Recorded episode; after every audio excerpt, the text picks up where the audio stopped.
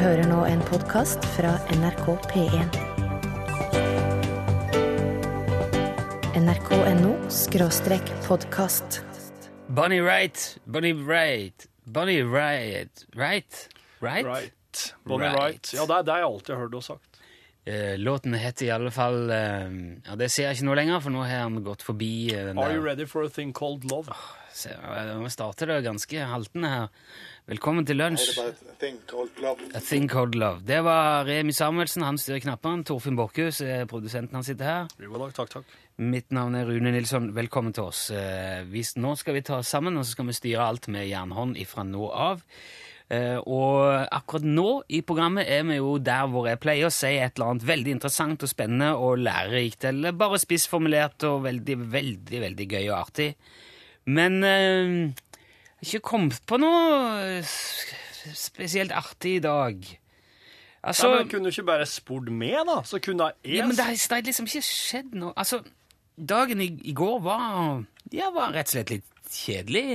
Så langt i dag har det heller ikke skjedd noe. Og det, det er jo, men det er jo det som er så flott med å bo i Norges rikeste land, at uh, veldig ofte så skjer det forsvinnende lite. Og det er jo veldig bra. Det er jo helt supert. No news is good news, som de sier på Færøyene. Og jeg liker gjerne å se for meg altså Hvis du ser for deg Norge, da, altså eh, nasjonen Norge, som et bygg.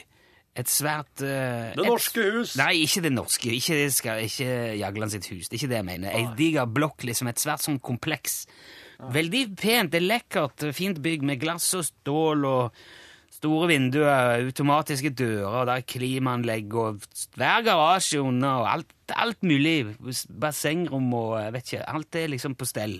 Et sånn all inclusive hotell. Kjempestort. Kjempeopplegg, ja. Ja. Og det er veldig god stand, Ja. dette bygget. Det er god kvalitet på materialene som er brukt, det er solid håndverk, det er fornuftige løsninger, alt er lagt. Det er universell utforming, og det er ikke måte på hvordan det er tenkt. Og dette bygget, som vi da alle bor i, det er jo selvfølgelig organisert som et slags borettslag. Og hvert fjerde år så velger vi inn da, ikke sant, 169 representanter til styret i borettslaget. Ja. Og så er jo de Det er de som holder på å styre der. Og vi vet jo alle hvem som stiller til valg i borettslaget. Ja. Det er de litt sånn maktsjuke kranglefantene og kverulantene. Og, og, og så er det dem som vil at det valget, det, det generalforsamlinga, skal gå fortest mulig, og som legger hodet på, på blokka jeg og sier ja, jeg kan, ja, greit. Jeg tror ikke det er så mye de. Det er mest de som er du, For, For at dette her skal henge i hop, så er det de. Oh, ja, Ja. Og så er det jo da enkelte ting man må ta tak i. Det er det jo alltid. Det er jo snømåking, det er vedlikehold, er ja, altså grøntområdene skal Gress skal klippes, det skal plantes, det males, bytte litt lyspære. Du må forhandle med kabel-TV-leverandøren. Ikke sant? De der tingene der. Ja. Men det, til tross av det så går det jo det meste stort sett av seg sjøl. Folk holder på, driver med sitt. Men altså, styret, de er jo valgt inn i styret, de må jo ha noe å holde på med. Og derfor så, eh, så holder de møtene sine, og så finner de på ting de kan krangle om. For eksempel, skal Gerd i oppgang 5019 få lov til å kle inn verandaen sin i glass? Bør eh, Petter i 2000C få straff for at han har spilt så høy musikk? Og det verken brenner eller lekker vann, ikke sant? Økonomien er god. Og da blir jo de der små, små problemene der blir jo fort veldig, veldig store. Ja. Ikke sant? Og tar veldig mye plass. Lange diskusjoner. Og så eh, fører det til opprivende krangler. Masse bråk. Og det det er det som er litt som Norge. Fordi at det meste her det virker helt fint. Vi har god råd. Der er ingen som slipper bombe på oss. Der er I det hele tatt, de fleste har både mat og vann. Er Veldig få som trenger å være uten mat og vann i Norge, altså. Og i, i det hele tatt. Og det betyr jo, og her kommer konklusjonen, da, at jo mer meningsløs og tullete på en måte nyheter og den politiske debatten er, jo bedre har vi det. Jo roligere kan du være. Jo mer tøysete det er det de snakker om, jo mer kan du senke skuldrene og slappe av. Det er jo først når ting begynner å bli hektisk og spennende og forferdelig interessant, det er da du skal bli bekymra. ja. Mindre som skjer, bedre er det. Tusen etasjer høy hørte du DumDum Boys spille og synge i lunsj, imens jeg har fått tips fra Frank uh, på Facebook om Carl Fredrik i Flekkefjord, som nå får lov til å male garasjen sin hvit likevel. Veldig bra. Ja. Og det er jo igjen en bekreftelse på hvor fint vi har det Ja. her i eh, Norges rikeste land i 2013. Her har òg Are Sende Osen, vår assosierte medarbeider og gode venn, kommet i rommet. Hallo. Hei, Are. Du, Ja, ja, ja, nei, jeg jeg har ikke funnet noe på internett Huhu, som jeg syns var så artig at jeg tenkte jeg, det her må jeg dele med Rune Nilsson og lunsjlytterne. Ja. Eh, Man kan si at jeg er litt bakpå, fordi at det er en avisartikkel fra 1808. Oi, Ja. Det her sto i avisen Northampton Mercury den 23. juli i 1808. ja vel.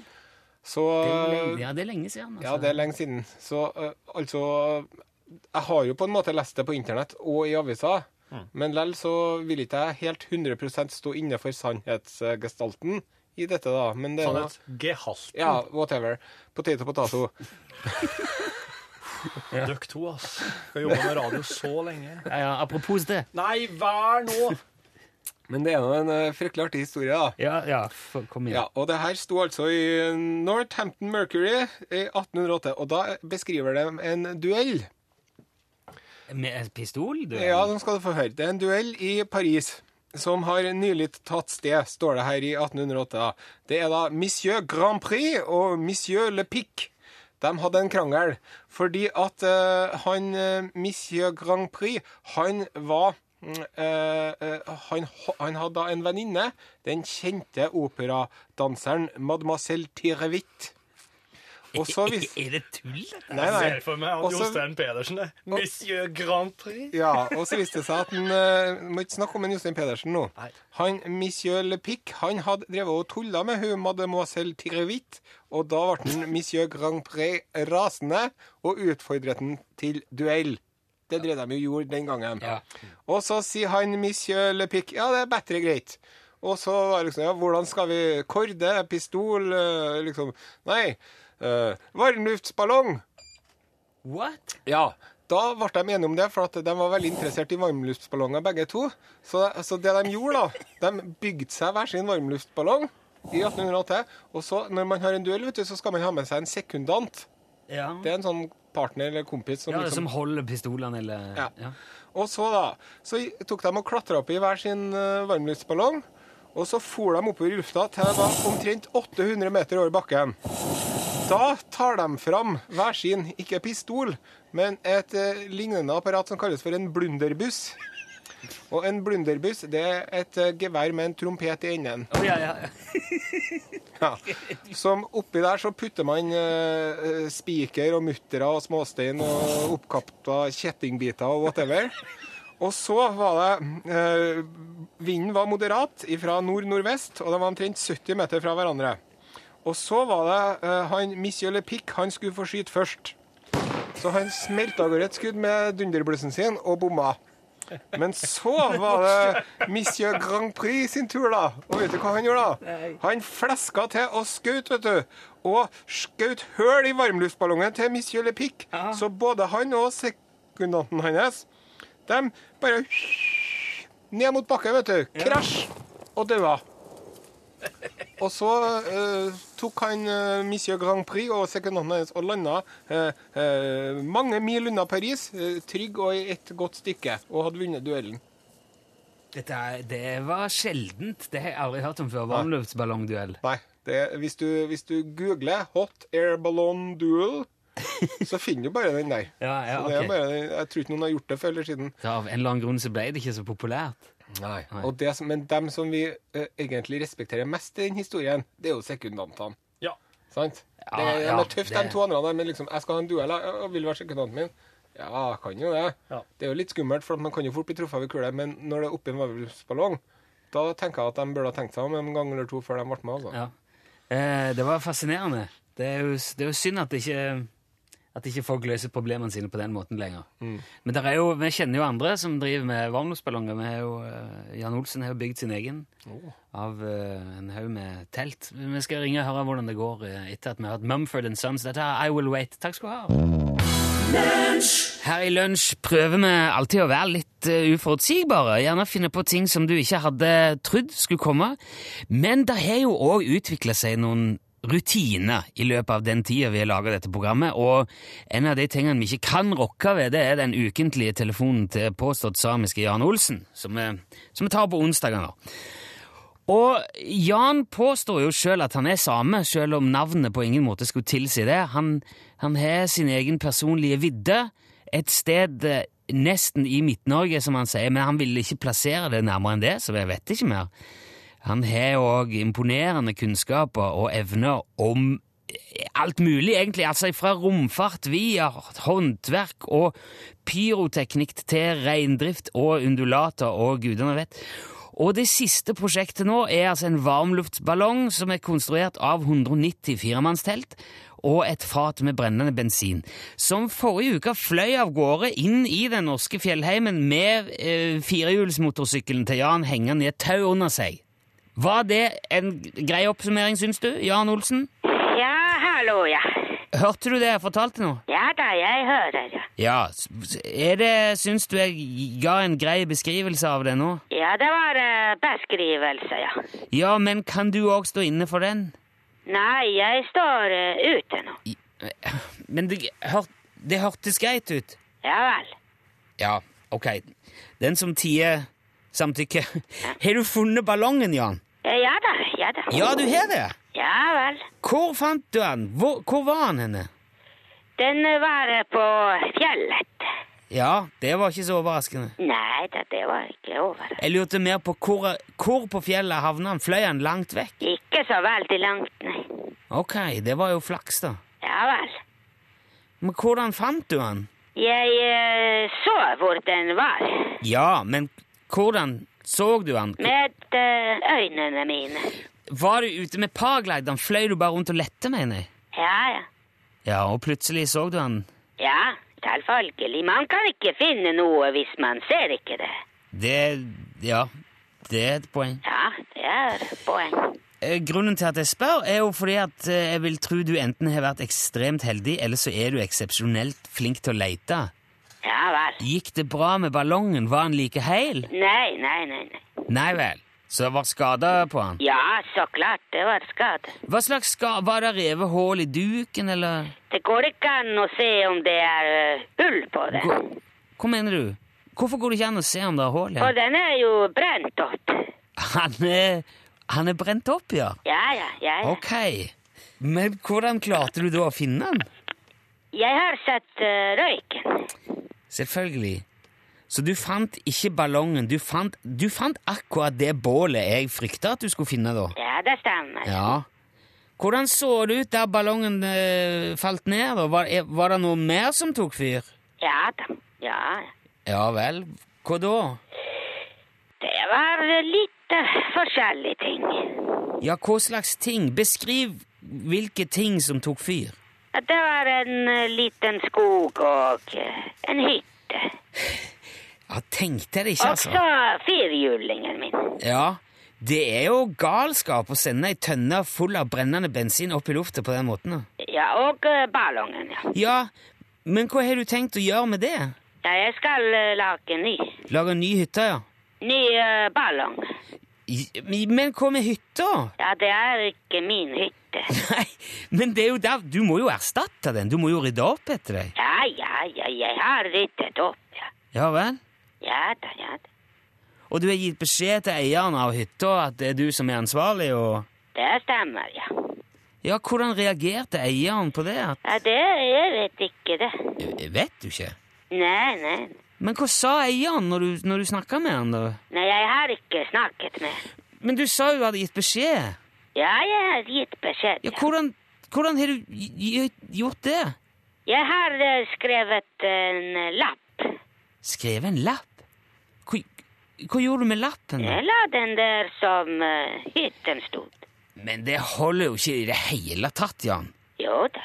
Du må jo kontakte den som eier hytta, og fortelle hva som er skjedd. Jo, men jeg vet ikke hvem er sin hytte. Nei, men da må du jo finne ut det. Ja, ja, selvfølgelig. Det er derfor jeg har skrevet lapp. Jeg har skrevet telefonnummer til meg på det. det. Det er jo som man gjør hvis man bulker borti en bil på en parkeringsplass. Ja, det stemmer. Ja, ikke hvis du brenner ned ei hel hytte. Jo da. Ja. Ok, men nå, nå er det i hvert fall sagt på radioen, da, heldigvis. Vi får satse på at eieren kanskje hører dette, og, og nå vet jo i så fall vedkommende hvem som er, står bak. Ja, det er jeg som står bak den. Ja, det er det jeg mener. Det var min eh, ballong. Jeg skal jo betale for det. Ja, det er godt å høre, Jan. Jeg, jeg håper ikke du prøver å snike deg unna det ansvaret der. Nei, nei, nei, jeg er ikke banditt. Nei, jeg vet det, men jeg, det er jo eh, Vet du, jeg, jeg, ringer opp igjen neste uke, neste onsdag, Ja så får vi se om det løser seg. Ja. Det var synd med ballongen, da. Ja vel. Ja. Ok. Vi, da prates vi neste uke, Ja, Ja, ha det bra. ja. Ja, ha det bra. hei, Hei. Ring meg. Du hørte Gabrielle i Lunsj, NRK P1. Eh, Jeg var en tur på byen her forleden. Og søkte byens ro. Da hørte jeg fra borti gaten Vil du ha en slik? Så kom det ei dame og ga meg et ark. Eh, og som den skeptikeren jeg er, så sa jeg hva er det for noe? «Ja, Det er bare litt informasjon om grisen. Det er grisens dag i dag. Oi, ok, sa jeg, og så putta jeg den i, i veska mi, da. Og så ble den liggende Jeg kom ikke Du, du reagerte ikke på at hun sa det er grisens dag i dag? Du, du Nei, det, det, var, det var 17. januar. Det, det var grisens dag, Mm. visstnok. Ja. Jeg tenkte jo at dette her er sikkert fra Opplysningskontoret for uh, Gris? Ja, fiskekjøtt, eller hva det er. Et eller annet uh, Ja, i, I dag er en god dag for gris. Ja. Et, jeg glemte det litt bort, det arket. Men så fant jeg det fram igjen her i går. Kik, så jeg kikket, å ja, det var det grisearket. Og så kikker jeg på. Og dette her vil jeg gjerne bare fortelle deg om. Du er jo eh, gårdsgutt, odelsgutt, og jo Ja, jeg- vokst opp med, med gris i eh, Eller sauer på Ja, vi hadde gris lite grann. Ja, hadde det også, ja. Ja, bare et par stykker. Ok. Hør her hva som står. I vikingtid ble grisen regnet som gudenes og høvdingenes statusdyr. I dag blir over 1,5 millioner griser avla opp og drept hvert år på norske slakterier. Griser føler smerte, glede, redsel, tilfredshet, sorg og mange av de samme følelsene som vi mennesker føler, står det her. Er det virkelig verdt å sperre de inne i en trang binge, frata de gleden i å kjenne frihet og gress under føttene, eller ta bort enhver flik av naturlig behov for utfoldelse eh, kun for å gjøre kroppen deres om til mat? 17. januar er grisens dag. Noah oppfordrer til å ta steget og bli vegetarianer denne dagen. Altså, planter er ikke mer egnet til å bli vokka enn der grisen er egnet til å bli juleribbe. Planter er levende vesen, de òg. Og plantene prøver jo å helle det slik. Eh, der, er, er, altså, der er jo en forskjell på en gris og en plante, da. Er det det? er, ja. Er det det? ja. Oh, ja. Hva er som er forskjellen? Jo, altså for det første så skriker ikke Altså, plantene er jo ikke Jo, planter kan faktisk eh, skrike. For at når planter blir angrepet av biller eller larver, så sender de da ut eh, kjemikalier i lufta som gjør at rovinsekter som liker biller og larver, Ja, okay. kommer til stedet og begynner å ete. En plante har ingen eh, hjerne. Han har ikke et hjerte. Han har ikke et nervesystem. Hva tror du er du systemet inni planta her som Ja, gjør at den hjerte, vokser opp og strekker seg mot sola og tekter seg i regn? Det er jo ikke et hjerte og en hjerne inni der, i hvert fall. Der er kanskje et system, et nervesystem med åre, liksom, klorofyll og sånn som går rundt, men altså Men hva tror du det er i planta gris, som du- reagerer på at den prater med dem, og reagerer på musikk, da, og reagerer på sollys? Hva, det, hva tror du det er inni der, da? eh, nå, du, du krangler nå. Du visste at jeg kom til å ta, ta opp dette, altså du er forberedt deg på en sånn usaklig, men dette her er jo Kaller du det usaklig? Ja, jeg synes det er Dette her er vitenskapelig, det jeg sier. Ja, men Det er forskere som forsker på planter, som sier det her. Men du sier det jo du, altså, du legger det fram som om du er Du ser ikke noe forskjell på Altså, er det, om det er en løvetann eller om det er en gris. Det er samme. Nei, det det er helt sant. Ja. Det står eh, Det kjøres eh, billass på billass med løvetann til Løvetannvinbryggeriet hvert år. Og oss sitter rolig og ser på og bryr oss ikke. løvetann, løvetenner kan ikke få luftveisinfeksjoner, leddproblemer, spedgrisdødelighet og tvangsatferd eh, for Altså på bekostning av, eh, av vårt behov for kjøtt. Vi spiser ikke løvetann. Vi skjærer ikke av eh, strupen på den, blør den tom og henger den opp. Nei. Og tvinge dem til å stå ikke. ukevis på geledd i lag med andre av sin art, eh, ekskludert fra det eh, fra fellesskapet der ute blant andre planter, og spraye dem ned med insektdrepende spray, gjødsle dem strategisk, har dem stående under varmelamper. Slik er det å være kål og gulrot Et, eh, et faktum til, skriver Noah. Eh, er at kjøttspising ofte fører til mange typer hjerteproblemer, tetter blodåret og kan lede til forskjellige typer kreft. Det tror jeg ikke løvetann gjør. Hva du sa nå? Jeg Kjø kjøttspising, ja. ja. ja. OK. Jeg tror ikke du får tette blodårer og, og kreft av løvetann. Nei. Men så kan også menn Kan plantene stikke av? Kan de springe fra en jeger som kommer? Kan de rømme? Har de noe valg? De kan ikke springe fra en trussel. de. Jeg, Veganere og vegetarianere er de feigeste jegerne som fins. jeg velger å tolke det dit hen at det er helt uinteressant for deg å bli vegetarianer. Eh, ja, det er det. Ja, ok. Eh, jeg syns jeg har gjort Har min du Har du vurdert det? Nei, altså, man begynner jo å tenke når man får sånne lapper i neven. Jeg tror ikke jeg hadde Folk som står og gir ting i nevene dine, skal du bare ikke bry deg om. Jo, De har ikke noe forhånd. Nå syns jeg jeg har gjort en innsats. nå. Jeg har fortalt om det som Noah mener om eh, grisen på grisens dag. Så kan du gjøre deg opp din egen mening, du. Om du vil, som Torfinn, velge å samstille gris og løvetann, eller om du vil eh, reflektere nærmere over. Vår jobb er iallfall gjort, tenker jeg. Charlie Rich, hørte du der? The Most Beautiful Girl in Ja, han heter jo bare The Most Beautiful Girl, men han synger jo òg In The World. Det har vært et heidundrende snøvær mange steder i Europa i det siste. Ja. Eh, Folk har snødd ned, snødd inne, snødd fast. Så at i Tsjekkia var det så ille at eh, statsministeren eh, Var ikke statsministeren som måtte ut og si noen ord om været? Petra Netsjas. Petra Netsjas. Ja. De fleste av oss aner jo ikke hva han sa, Nei, nei. for vi kan ikke tsjekkisk. Men Torfinn er jo vokst opp i det internasjonale gruvesamfunnet i Folldalen.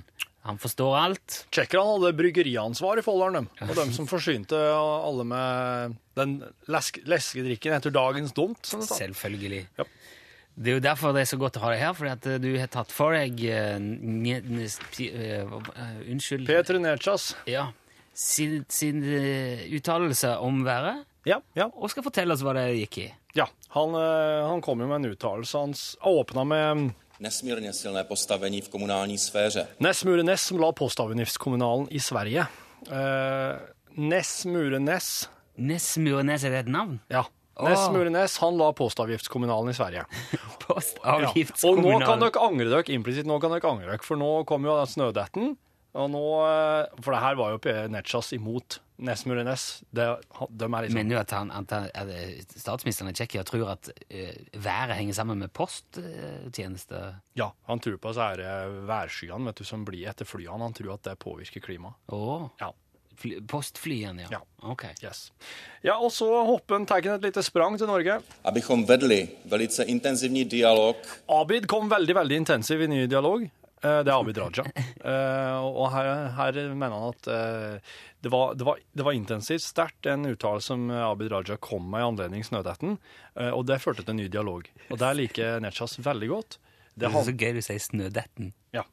du, du liker det? For, som Abid Raja sa, saka er den at situasjonen er harde ski. Her må det harde ski til. Ja. Det må på rullebaner, det må på bilene, det må være harde ski. Disse her glassfiber-tullskiene vi driver med i dag, de, det går ikke an å sette Oi. dem på kjøretøyene våre. Enda hardere. enn- Ja, enda hardere. Ja vel. Ordentlig harde ski. uh, men uh, Netchas er heller ikke eh, skri, avskriver heller ikke andre typer ski. Je tu hrozba. Jeg tror også på dalski. Ja. Dalski er det, det er langrennsski, da. Det er, Jeg skjønner. Det, det, er, ja, det er det de kaller det i Bortoverski. Bortoverski. Ja. Mm. Men, det, men det gjelder da for folk flest. Ja, Ikke på kjøretøyene våre. Han tror på dalski når det gjelder at Altså, han mener at det må alt av um, kjøretøy og, og levende vesen må utstyres med ski. Haleski eller dalski. Možná delší recese. Morsan har dalski. Rett, søster? Sin. Ja, Søstera står ved sida av. Han Ja. må bare Morsan har ja. dalski. Han prøver liksom å vise Ja, at ikke sant? dette her er for alle. Ja. Mor mi òg. Men søstera står der, så han må bare sjekke. Skjønner. Domácí. Tomatski, det er ukulig. Det er ikke noe bra triks. Det har han prøvd. Eh, Så drit i det. Sponiks dato er Japonska. Og spå Sponviks dato og pønska sin. Han eh, Sponvik var eh, Han kommer bare ikke på jobbeslagen til Sponvik. Sponvik. Ja. Det er blanding mellom Det er krysning mellom Sponberg og Jervi og Bondevik. Sponheim og Bondevik. Han, han har ei historie Han Netchas klarer ikke å sjøl dem to. Nei. Så Sponvik kaller Ikke du heller, helt Ja, ja, ja, ja, ja, ja. Ja. Det er naopak příznak jasného a zřetelného tahu na bránu. Det er nå pakk skisnakk, og nå, sett deg ned hotta hona brana sin. Og det betyr at nå er det nok eh, sånn her utamprat fra politikere. Nå er det jazz ned, hotta hona, ha på deg skiskoen. Hotta hona? Hotta hona, ha på Sier ikke jeg, Egersund? Ikke det. Hva betyr det? Nei, jeg, jeg veit ikke. Det betyr egentlig bare at du skal bare Hotta hona. Hotta hona, ja. Ja. Petter Nedjas, Takk skal du ha. vær så god. Ble, ble klok av det. Ja, det er bra. Der fikk du A1 og låten het Trust Me, og nå har vi prata så mye, Torfinn. Nå er det bare å åpne telefonlinja. Ja. Vær så god. Hvis du har lyst til å fortelle oss noe, og har lyst til sjansen til å vinne ei sånn lue, så ringer du 815 21 031. Da er du jo førstemann som vanlig. Du kjenner drillen på dette her nå. You know the drill, som de sier i Finland. Ja, ja. Eh, du Utslagsnes Transport og Skarpskyggehuet, som du kan vinne. Hallo, hallo! Ja, hallo? Hei, hvem snakker vi nå? Du snakker med Wenche? Hei, Wenche! Velkommen om bord. Jo, tusen takk. Nå er, du, nå er du live. Nå hører de deg, hele landet. Hei, hei. Ja, bortsett fra meg, for jeg måtte skru av radioen. Ja, veldig, veldig kjapt hekk, tenker jeg. Ellers så blir det bare ekko og støy, vet du. Ja, Det er en liten forsinkelse. Hvor ringer du fra, Wenche? jeg bor på Jar i Bærum. Ah, jeg kjøpte bil i Bærum i sin tid. Vel, Ja. Veldig god bil. Alt det gode kommer fra Bærum. ja, nettopp. Ok. Ja. En, en, nå- en fin historie, en god historie òg, da, håper jeg nå. Ja, jeg, jeg syns det selv, i hvert fall. Ja, ja, vi gleder Den, oss. eh, den er om meg selv fra da jeg var ganske liten. Jeg var vel mellom to og tre år gammel. Eh, eh, Har du glemt det? Nei, jeg, har, jeg husker faktisk eh, deler av det. Det var eh, den tiden radio var det eneste underholdning man hadde. Og så gikk bestefarsvalsen. Det var en lageplage. Ja, ja, ja. Du husker den? Ja, jeg har hørt den, ja. Og mm, jeg gikk jo og gnålte på den eh, støtt og stadig. Og så tanten min var hjemme, så eh, hun sa til mamma Hørte du hva hun sang? Og så måtte jeg synge den en gang til for dem, da. Og da lo de godt. Og så hver gang vi fikk besøk, så ba de meg synge den sangen, og alle lo og klappet. Og det var Det måtte da capo til hver eneste gang. Aha. Og jeg likte jo å være midtpunktet. Men eh, nok om det. Da jeg hadde blitt eh, voksen, godt voksen, så endelig så fortalte mamma hvorfor jeg syntes det var så morsomt. For det at eh, jeg, jeg kan ikke synge, jeg skal eh, bare si frem hva jeg sang for noe. Ja. Det var Se, der danser bestefar. Se for en stiv han har. Det er det bare bestefar og bare han som har. Åh, ja. ja, det var kjempefin, eh, Wenche. Så uskyldig og, så uskyldig og fin. For en stil Ja da, narret uskyldig lite barn til å De sa ingenting heller, stakkar. Det er nesten dårlig gjort. Ja, den var, Tusen takk, eh, Wenche. Ikke legg på nå. Vi må få adressen din, så vi kan få sendt en, eh, en takk for eh, innsatsen. Ja. Takk for kjempefint program. Jeg unngår det nødig. Ja, Så hyggelig å høre. Takk for at Ja. du ringte, Wenche. Ha en strålende dag, da. I like måte. Ha det bra. Hei, hei. Demi Lovato var det som fikk eh, æren, kan, synes jeg vi skal si, av å få runde av dagens lunsj her i NRK P1. Låten heter Give Your Heart a Break. Og så skal vi ta en liten break, for det er Pål Plassen som skal sørge for at det er veldig i dine fra nå av. At det er show, rett og Det er slett. show. The show must go on, and Pål tar plassen. Ok, In, um, inntar plassen. La, la, altså, jeg f føler jeg testa dere hver gang jeg kommer etter et annet, men dere er jo så kunnskapsrike at det er jo ikke noe problem. Har jeg svara rett noensinne på noen, gang- noen ting du har spurt om? Nei, men ofte Rune. Ja, ja, ja, ja, ja, ja. For Rune har så mange rare ukjente sider. Eh, og så er jo mer enkle eh, formen enn du. Ja. Eh, nei, nei, altså Camilla Collett. Eh, Hundrelappen. Hundrelappen. Noe mer? Ja, og forfatter eh, første, Var ikke hun eh, første utgitte Nei, hva var det hun var? Noe sånn eh, første utgitte kvinnelige forfatter? eller noe sånt? Forelska i Welhaven, søstera til Wergeland. Bra! Ja. Her Og der var med. det splid og krig. Og den største romanen heter Eh, Amt Uh, Mannens døtre. Ja, bra. Steinar og den luftballongen med de røde stripene. Altså Camilla Collett, 200 år i dag. Oh, det er ikke det jeg gått glipp av. Og det skal da markeres stort i Oslo på et eh, seminar. Kanskje litt mer overraskende er det at Ole Ivars, dansebandet, har et nært forhold til Camilla Collett. Ja, og eh, de har altså skrevet en eh, sang til ære for Camilla Collett. Og William Christoffersen i Olivars vil komme på besøk til meg i Norgesklasse i dag. Er det den der Camilla, Camilla, Camilla Nei. Se opp for forelskede menn Nei, jeg vet ikke. Noe helt annet, men jeg må si jeg gleder meg.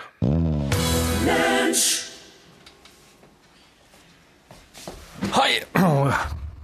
Ja det var riktig innstilling på mikrofonen. Det var det jeg skulle ha bekrefta. Du har hørt hele podkasten fra lunsj for uh, 23. januar, onsdag i dag, 2013. Uh, Rune måtte springe hjem rett etter sending. Oss har, oss har mye sjuke unger om dagen. I går hadde jeg sjuke unger, i dag har han sjuke unge.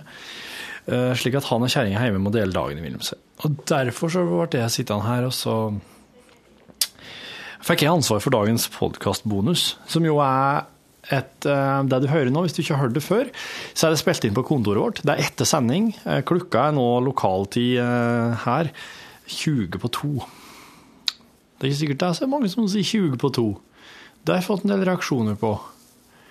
Eh, Ti over halv to, vil det si det samme som. Eller 13.40, men det, så, det høres, det høres ut som du er liksom i svart, midt i svartedauden, da. 13.40. Eh, det høres ut som du prater om mørke middelalderen. Iallfall. Det er det, det er det jeg driver med her nå. Og det, det er et slags rå, råtake på hele lunsj. Vi prøver da på en måte å være lunsj i all si i all sin smale, eh, umodne råskap her nede på kontoret etter sending. Og, og det har jeg fått i mine hender i dag. Men jeg har sjølsagt eh, Jeg har sjølsagt gjort noe grep. Jeg venter en gjest. Jeg venter en gjest som har gitt ut eh, to bøker om eh, fotballaget Liverpool og, og fan Hvordan det er å være fan. hvordan det er å være Hvordan det er å elske et lag. Og hvordan det er å kanskje til og med være fotballspiller i laget. God dagen! Klikk, klakk, klikk. Ragnhild Lund Hansnes, hjertelig velkommen til podkasten her i lunsj. Takk, takk. Er, jeg, jeg setter i gang bare litt før du kom, og så har jeg gjort unna de nødvendige introduksjonene. Snikesnakke. Skal jeg slå den her, eller har det ikke Det er ikke så, det er ikke så farlig. Du kan bare Ja. Det, Rune bruker ikke engang å skru ut lyden, han. Så han er så Ja, nei, han, er, han, han driter i det, og det syns jeg du skal bare få lov å skal være høflig besøkende. Liverpool-hjerter og Liverpool-helter. Ja. Det er dine to bøker til nå. Det er mine to babyer. Ja. Og så i tillegg til at du har en gubbe som er veldig opptatt av Liverpool, og unger som kanskje er det òg. Ja, de er jo helt hjernevaska. Ja, de er det. Ja, ja, ja. Ja. Altså, jeg glemmer aldri når den legendariske Kenny Daglish fikk eh, sparken Ja. i Liverpool da han gjorde comeback som uh, trener. Ja. Eller manager, som vi sier i England. Um, samme uke, Ja. mens vi enda var helt intet ane om at han skulle få fyken, Ja. så sitter altså min datter på bare akkurat tre år Ja. i sin bitte lille flanellspysj Ja. eh, og spiser et knekkebrød med leverpostei før legging. Jeg i telefonen, og plutselig så hører jeg klappelyder bak meg. ja. Vet du hva som skjer? Nei. Så hører jeg bare Altså, hun når meg til litt over knærne. Så lita er hun, altså. Ja. Elvira heter hun. Ja. Daglish! Wow. Daglish! Og så strakk hun da armene ut, sånn som de gjør på det berømte The Cop. over knekkebrød. Det var kanskje et tegn på at Var, hun glad for at han hadde fått sparken? Ja, han fikk ikke jobben på ny da. Nei, jeg tror hun bare kjente at det var noe i lufta. For det her var jo tre dager før han fikk Ja, sparken. Ja, ja, det var det, ja. Ja, ja, ja. Helt fantastisk. Ja, eh, du har blitt skikkelig innsausa i det sjøl òg. Du har blitt rau. Du har blitt rau. Jeg har blitt langtids både marinert og forført Ja.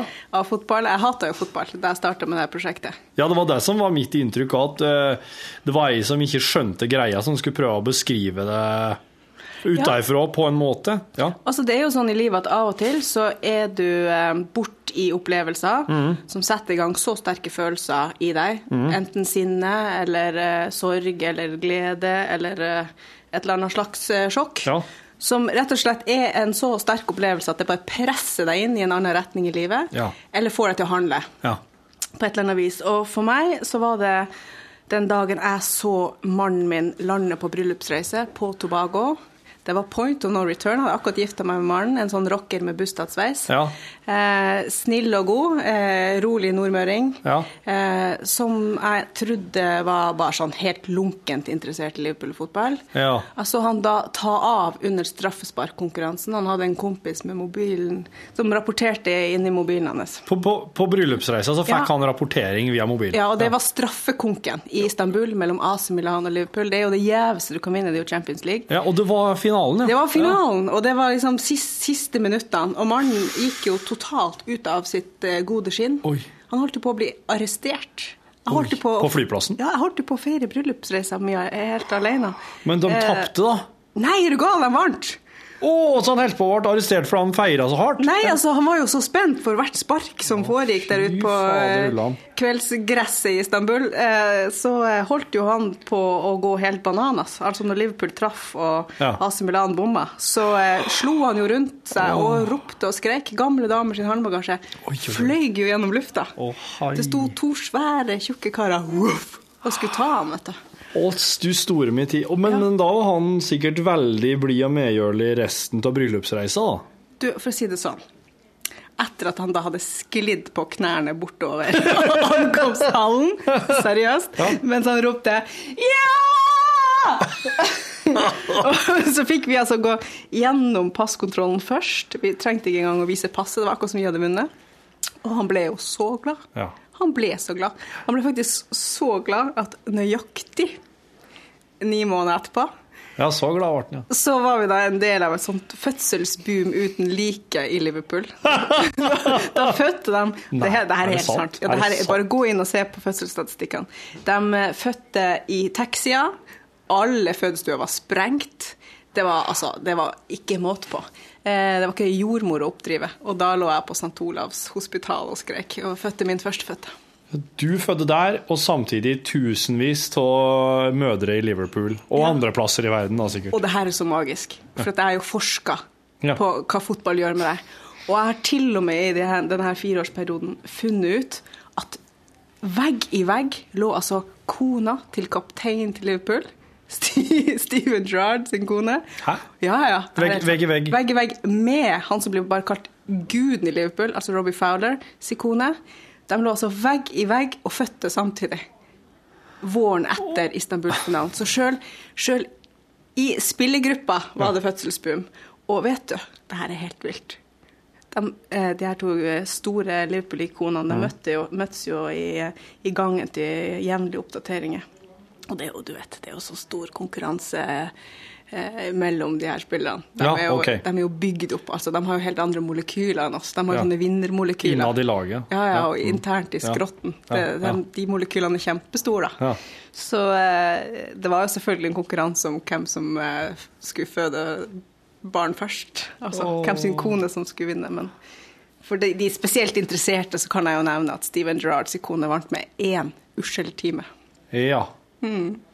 Det er, han, det er han som var yngstemann på landslaget en periode, ikke jeg? Ja, han var veldig ung da han Ja. eh, Så han er. Liverpool. Du, jeg, kan, jeg kan veldig lite. Jeg Så. vet, nei, han kan ikke ha vært yngst, det kan han ikke ha vært. For han var vel 20 år da han Men han, debuterte. men han ble kaptein veldig fort. da? Ja, han er jo kaptein på det engelske landslaget nå. ja. Mm. mm. Um, kjære vene. Ble du helt satt ut nå? Ja, nei, nei men eh, Jo, jo, så klart, så altså. klart. Det er sprengstoff. Eh, er det slik at eh, det Men når du sa det at de, de, de, de feira jo Det ble jo så klart feier etter å ha vunnet Champions League-finalen. Men det er slik at eh, kjerringene deres er med fotballspill, de er med laget på tur. altså De har med seg familien sin. Nei, det er lite, altså. Ja. At det, det tror jeg bare gjelder Eller det vet jeg bare gjelder de her store finalene. Ja, Ja, eller så eh, For da kan det plutselig, du kan plutselig bli Champions League-vinner, og da bør du jo ha dem der. ikke sant? Ja. Da må de få være med og feire Ja. dem òg. Ja. For vanligvis er det ikke slik, eh, sikkert. Nei, nei, nei, nei, nei. da er det gutta boys på tur. Da er det der, vet du. Du har vært med dem på tur òg, du. Ja. Og jeg kan jo Jeg skal kanskje ikke Nei, jeg, kan, Jeg har ikke lest verken Liverpool-hjerte eller Liverpool-helter, men, men eh, du bryr deg jo òg om nåtidas Liverpool, ikke bare gamle stjernene. Ja, ja, ja. Ja, Altså, mhm. Det siste prosjektet mitt nå, det handla jo om å prøve å finne ut hvordan det er å være menneske oppi det sirkuset. Ja. For at når jeg først kom til Liverpool for um, fire-fem år siden, på, på sånn jomfrutur da, for, Mm. å, for å forstå galskapen, Mm. Uh, og jeg har oppholdt meg masse, masse i Liverpool. Uh, jeg telte i går. Jeg, nå har jeg sett på under fem år, så jeg har sett 38 kamper live. På både borte- og hjemmebane. Oh, ja, du- eh, i- på stadion? Ja, ja, ja. stadion, ja. Ja, ja. 38 kamper. Og jeg kan love deg det ligger mange tusenlapper bak hver kamp. Wow. For det er Nå skjønner jeg hvorfor jeg fortsatt har banklån på de bøkene enda. Ja, de- så mange. Du får ikke gratis inngang for da om du sier du skriver bok om dem. Jeg vet, jeg er ikke skrudd sånn sammen at jeg har lyst til å spørre om det engang. Jeg hadde sikkert fått det, men eh, Du må jo synes- ha litt å trekke fra på skatten òg. Ja, det er noe med det. Noe med det. Også, også for min del så orker jo ikke jeg å sitte på sånn tøysete VIP-tribune. Jeg er jo der for å skjønne greia. Ja. Så jeg vil jo stå på den her eh, verdensberømte ja. kortsida The Cop. Det, er- det, er- det, er- er der borti de står, ja. Ja, vet du, jeg glemmer aldri. Når jeg var på min første bortekamp. Det her er så bra. Det her bare viser for en sånn familie Ja. som har da langtidsforført meg. Altså det der samholdet, den Ja. der enheten som man er.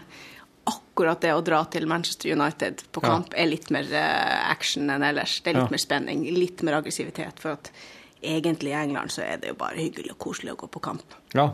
Men akkurat de her erkerivaloppgjørene er litt spesielt. Da får du sånn politieskort inn og ut av stadion og sånn. Når Liverpool da utligna til 1-1 borte på Old Trafford, Mm. oh, wow. så ble jeg bare revet bakover. Voff! Og så er det noen som suger seg fast i panna mi.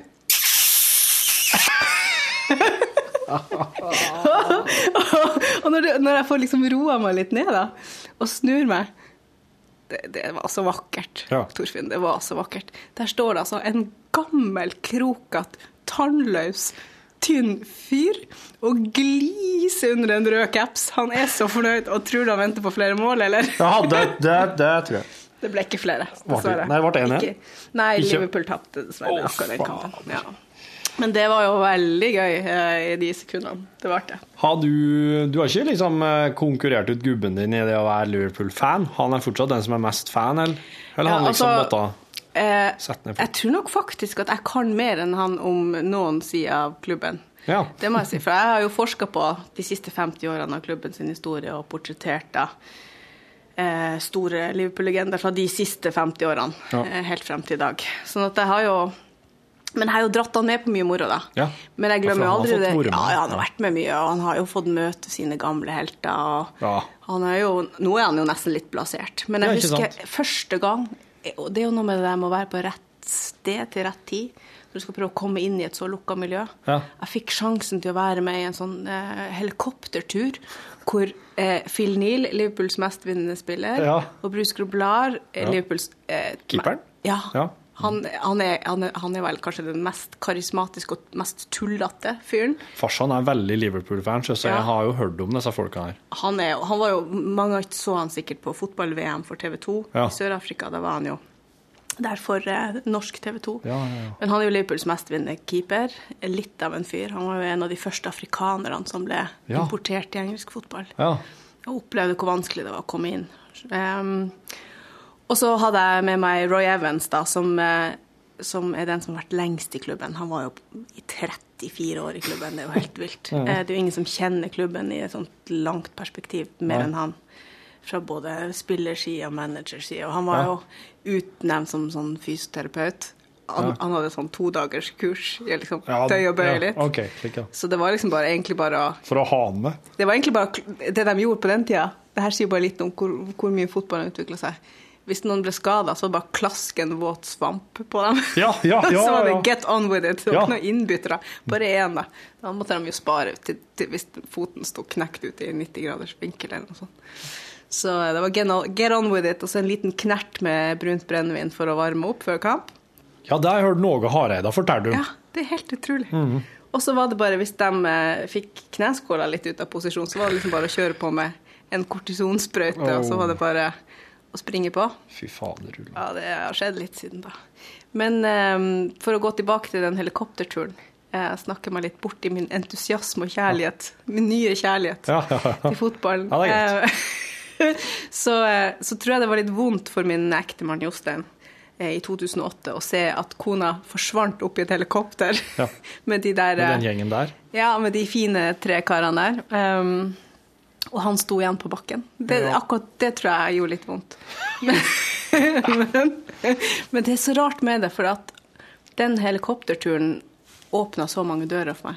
Ja. Apropos det der med å være på rett sted til rett tid. Ja, de tre guttene der har jo møtt veldig mange spillere og tidligere spillere for Liverpool, men akkurat de tre Ja. har vært sånne Ja. nøkkelpersoner i forhold til å hjelpe meg og heie på meg. Og, De har jo sikkert en enorm innflytelse. ja, ja, ja, Det sa jeg der.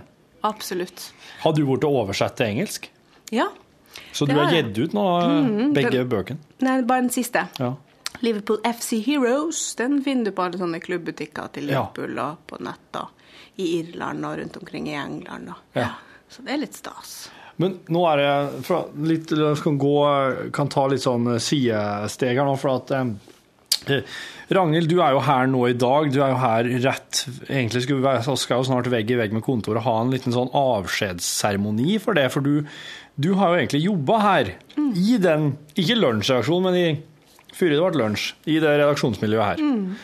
Og nå, skal du, nå har du sagt opp, for nå er, nå er du forfatter på heltid. Eller er- du har jo vært der en stund, men nå er det liksom endelig. Ja, og ikke bare forfatter. Jeg skal være, liksom, være frilanser, som det så fint kalles. Nå skal jeg ut og holde foredrag i næringslivet og i Ja. skolen og i Forsvaret og rundt omkring. Ja.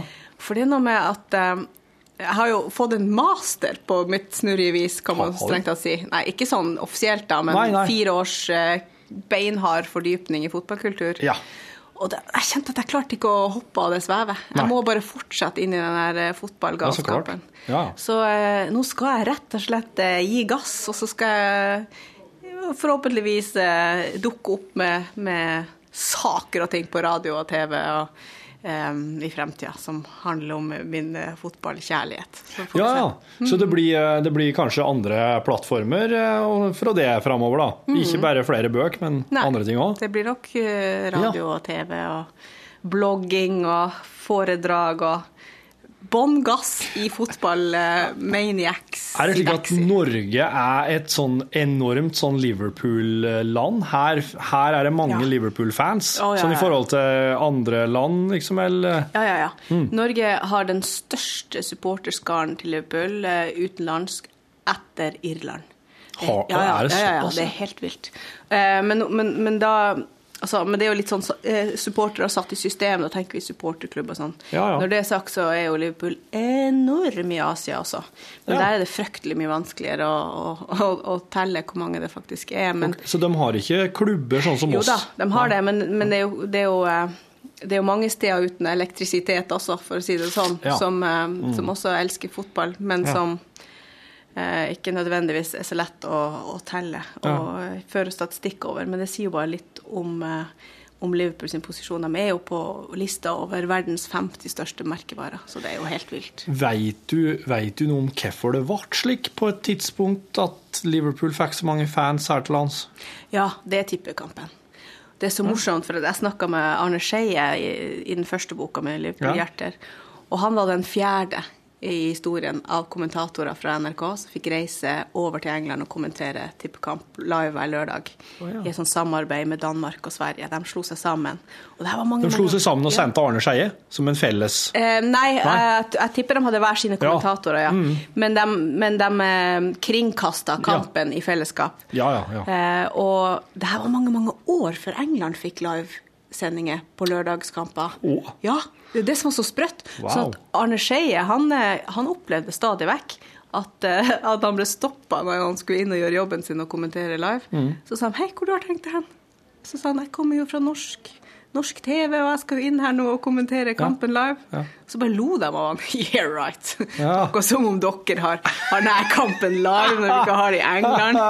Get away! Ja, ja, ja. og, og ofte så Altså, stadionene var jo ikke engang bygd for TV. Sant? I dag er jo TV-en kjempemektig og styrer jo egentlig pengene og engelsk toppfotball. Ok, men du, Men- så det her betyr at Nor Norge, Sverige og Danmark sendte over TV-kameraer òg? Ja.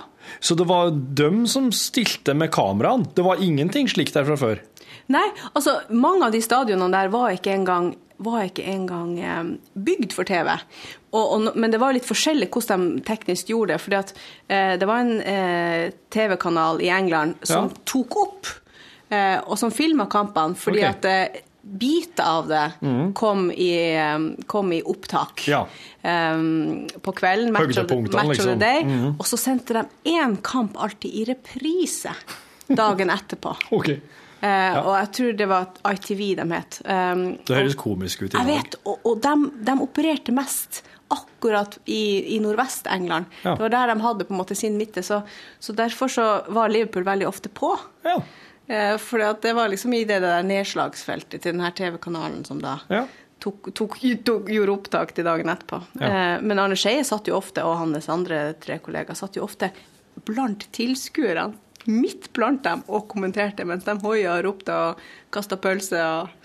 Så, så Med mikk. Med mikk. Så eh, jeg tenker jo det er jo Tenk å få lov å oppleve det. Wow, da, skal ja. du, da skal du holde hodet kaldt. Arne Skeie, altså. Mm, OK, så, så det var oss var med andre ord en slags sånn TV, fotballkampoverføringspionerer da, i Norge, Sverige og Mhm. Danmark når vi yeah. begynte med det der.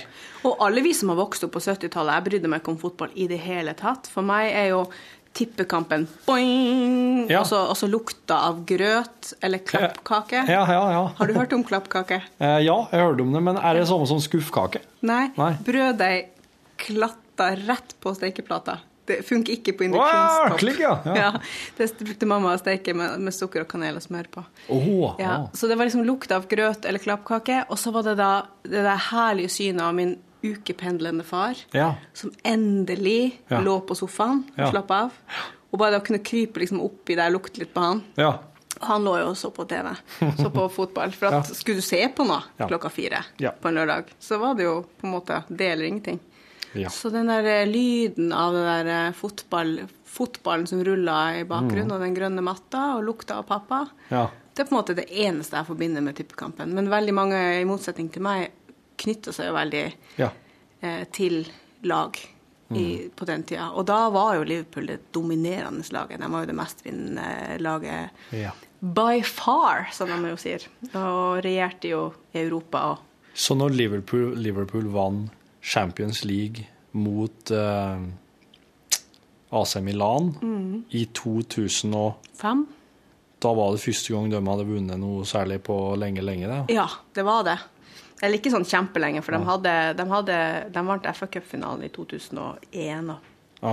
Men, men det var lenge siden de hadde vunnet Champions League. Veldig lenge siden. Men så var det også veldig spesielt, da, fordi de herja jo i Champions League på slutten av 70- og begynnelsen av 80-tallet. Mhm. Og vant fire nesten, nesten på rappen. Ja, De var jo overlegen. Og så ble de utestengt av europeisk fotball pga. den forferdelige Heisel-tragedien var- i fem hva var det år. for noe? Ehm, det var sånn skikkelig tribuneopprør Oh, eh, mellom folk som Liverpool og og. Juventus. Ja, en eh, råtten gammel stadion raste sammen.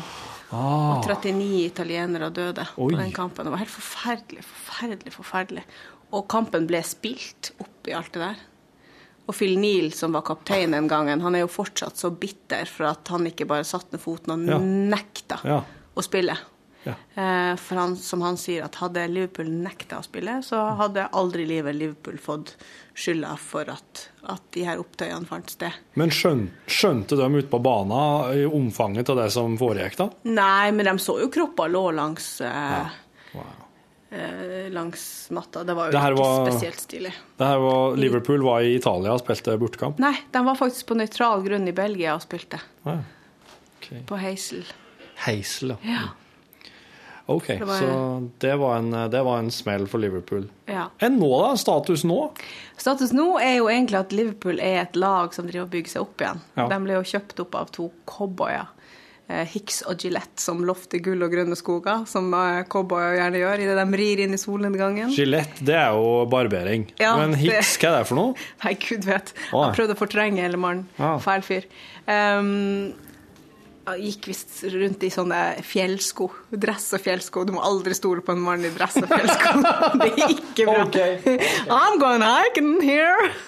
I'm out of here. Og så går du, stikker du ikke av bare en kilometer med liksom. 17 mil til fjells. Eh, det, det må du bare aldri, aldri finne på å stole på folk som gjør det.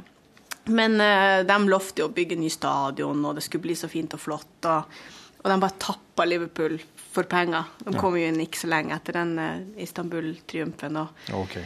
eh, tappa, tappa dem for gode spillere og kjøpte ikke nye, gode tilsvarende spillere. Tappa egentlig bare, bare klubben for penger, og det ble ikke noe ny stadion. Og, og det ble jo fryktelig mye frustrasjoner, både internt i klubben og blant fansen. Og, og nå driver den, de nye eierne, som også er amerikanske, da, men eh, som, som nå lytter på en helt annen måte enn okay.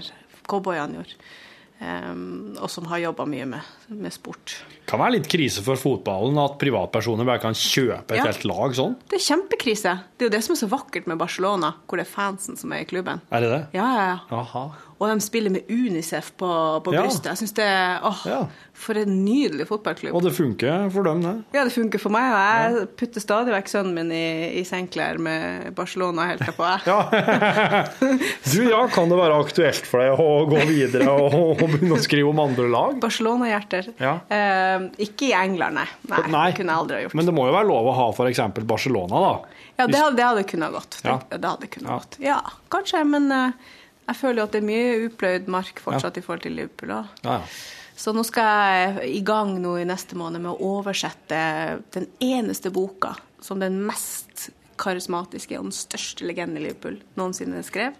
Og det er Bill Shankly, som var den der eh, karismatiske skotten som kom um, og løfta Liverpool opp i toppdivisjonen. Ja. Og han blir jo sitert daglig av fans over hele verden. Og han sa sånne ting som Fotball er ikke bare på liv og død. Det er mye viktigere enn som så. og eh, hans sjølbiografi skal jeg oversette nå til norsk, fordi at han eh, Det er nå 100 år siden han ble født i september. Oi. Så uh, det er et jubileum på gang. Så, det blir en ære. Det er en, uh, det er en klassiker, det der, da, skjønner jeg. Ja. Ja. My story. Hva skal vi kalle den på norsk? Historien min. Ja. Det blir liksom, svinger liksom ikke like Du må, mye. ha, du må ha navnet hans, da. Og så Ja. må du ha Kan du ha Mitt liv, da? Det er kanskje litt vel brukt. Ja, jeg har tenkt på det òg, men, kanskje også litt, ja, litt slitt. Kunne du ikke hatt det mest berømte sitatet hans som tittelen på, Kanskje det. tittelen på boka? Kanskje det? Mer enn liv og død. Fotball er ikke bare et liv og død, det er viktigere. ja. Vi får fintenke litt. ja, fintenke litt. Nå skal vi gå og ha sånn eh, avskjedsseremoni for det. Ja, det er jo så tullete. Tenk å forlate deilige, fine, snille, gode NRK Ja. for fotballgalskap. Jeg skulle jo, I gamle dager hadde jeg sikkert blitt skutt, nei, brent på bålet. hadde jeg blitt, Som en sånn der rar heks. Ja, det kan nok hende. For man, man gjør da ikke slikt. Men uh, Nei. man må Men- følge drømmene sine. Det er godt at du, eh, det er godt at du sier ha det bra til NRK med en slik, eh, med en slik følelse, da. Ja, jeg får Ja. komme litt på sånn lunsjbesøk av og til. Og, Det der kan du skal jo veldig gjerne få lov til. ja, og li, lir ut av meg noen sånne skrå blikk på tilværelsen. Ja, oss har liksom ikke noe idrett eller sport i lunsj, så oss må liksom ha det inn på den måten oss, oss liker best. Ja. Og det er jo ved anekdoter og, eh, og artige fakta. Der er jeg en dronning. Ja, sant, sant. Ja. Du, tusen takk for besøket. Tusen takk for at jeg fikk lov å komme. Det var Ja, ja. veldig koselig å sitte her og, eh, Ja, ja. og skravle med deg. Slik foregår det bare. Etter hver sending som regel så er det bare Jan Rune som sitter her og prøver å finne på et eller annet. Men eh, en sjelden gang iblant så får vi inn litt, litt reelt materiale. Herlig. Nå stopper jeg teipen. Takk for at du har lasta ned podkasten vår, du som hører på, eh, på. Du har nå hørt en podkast fra NRK P1. nrk.no podkast.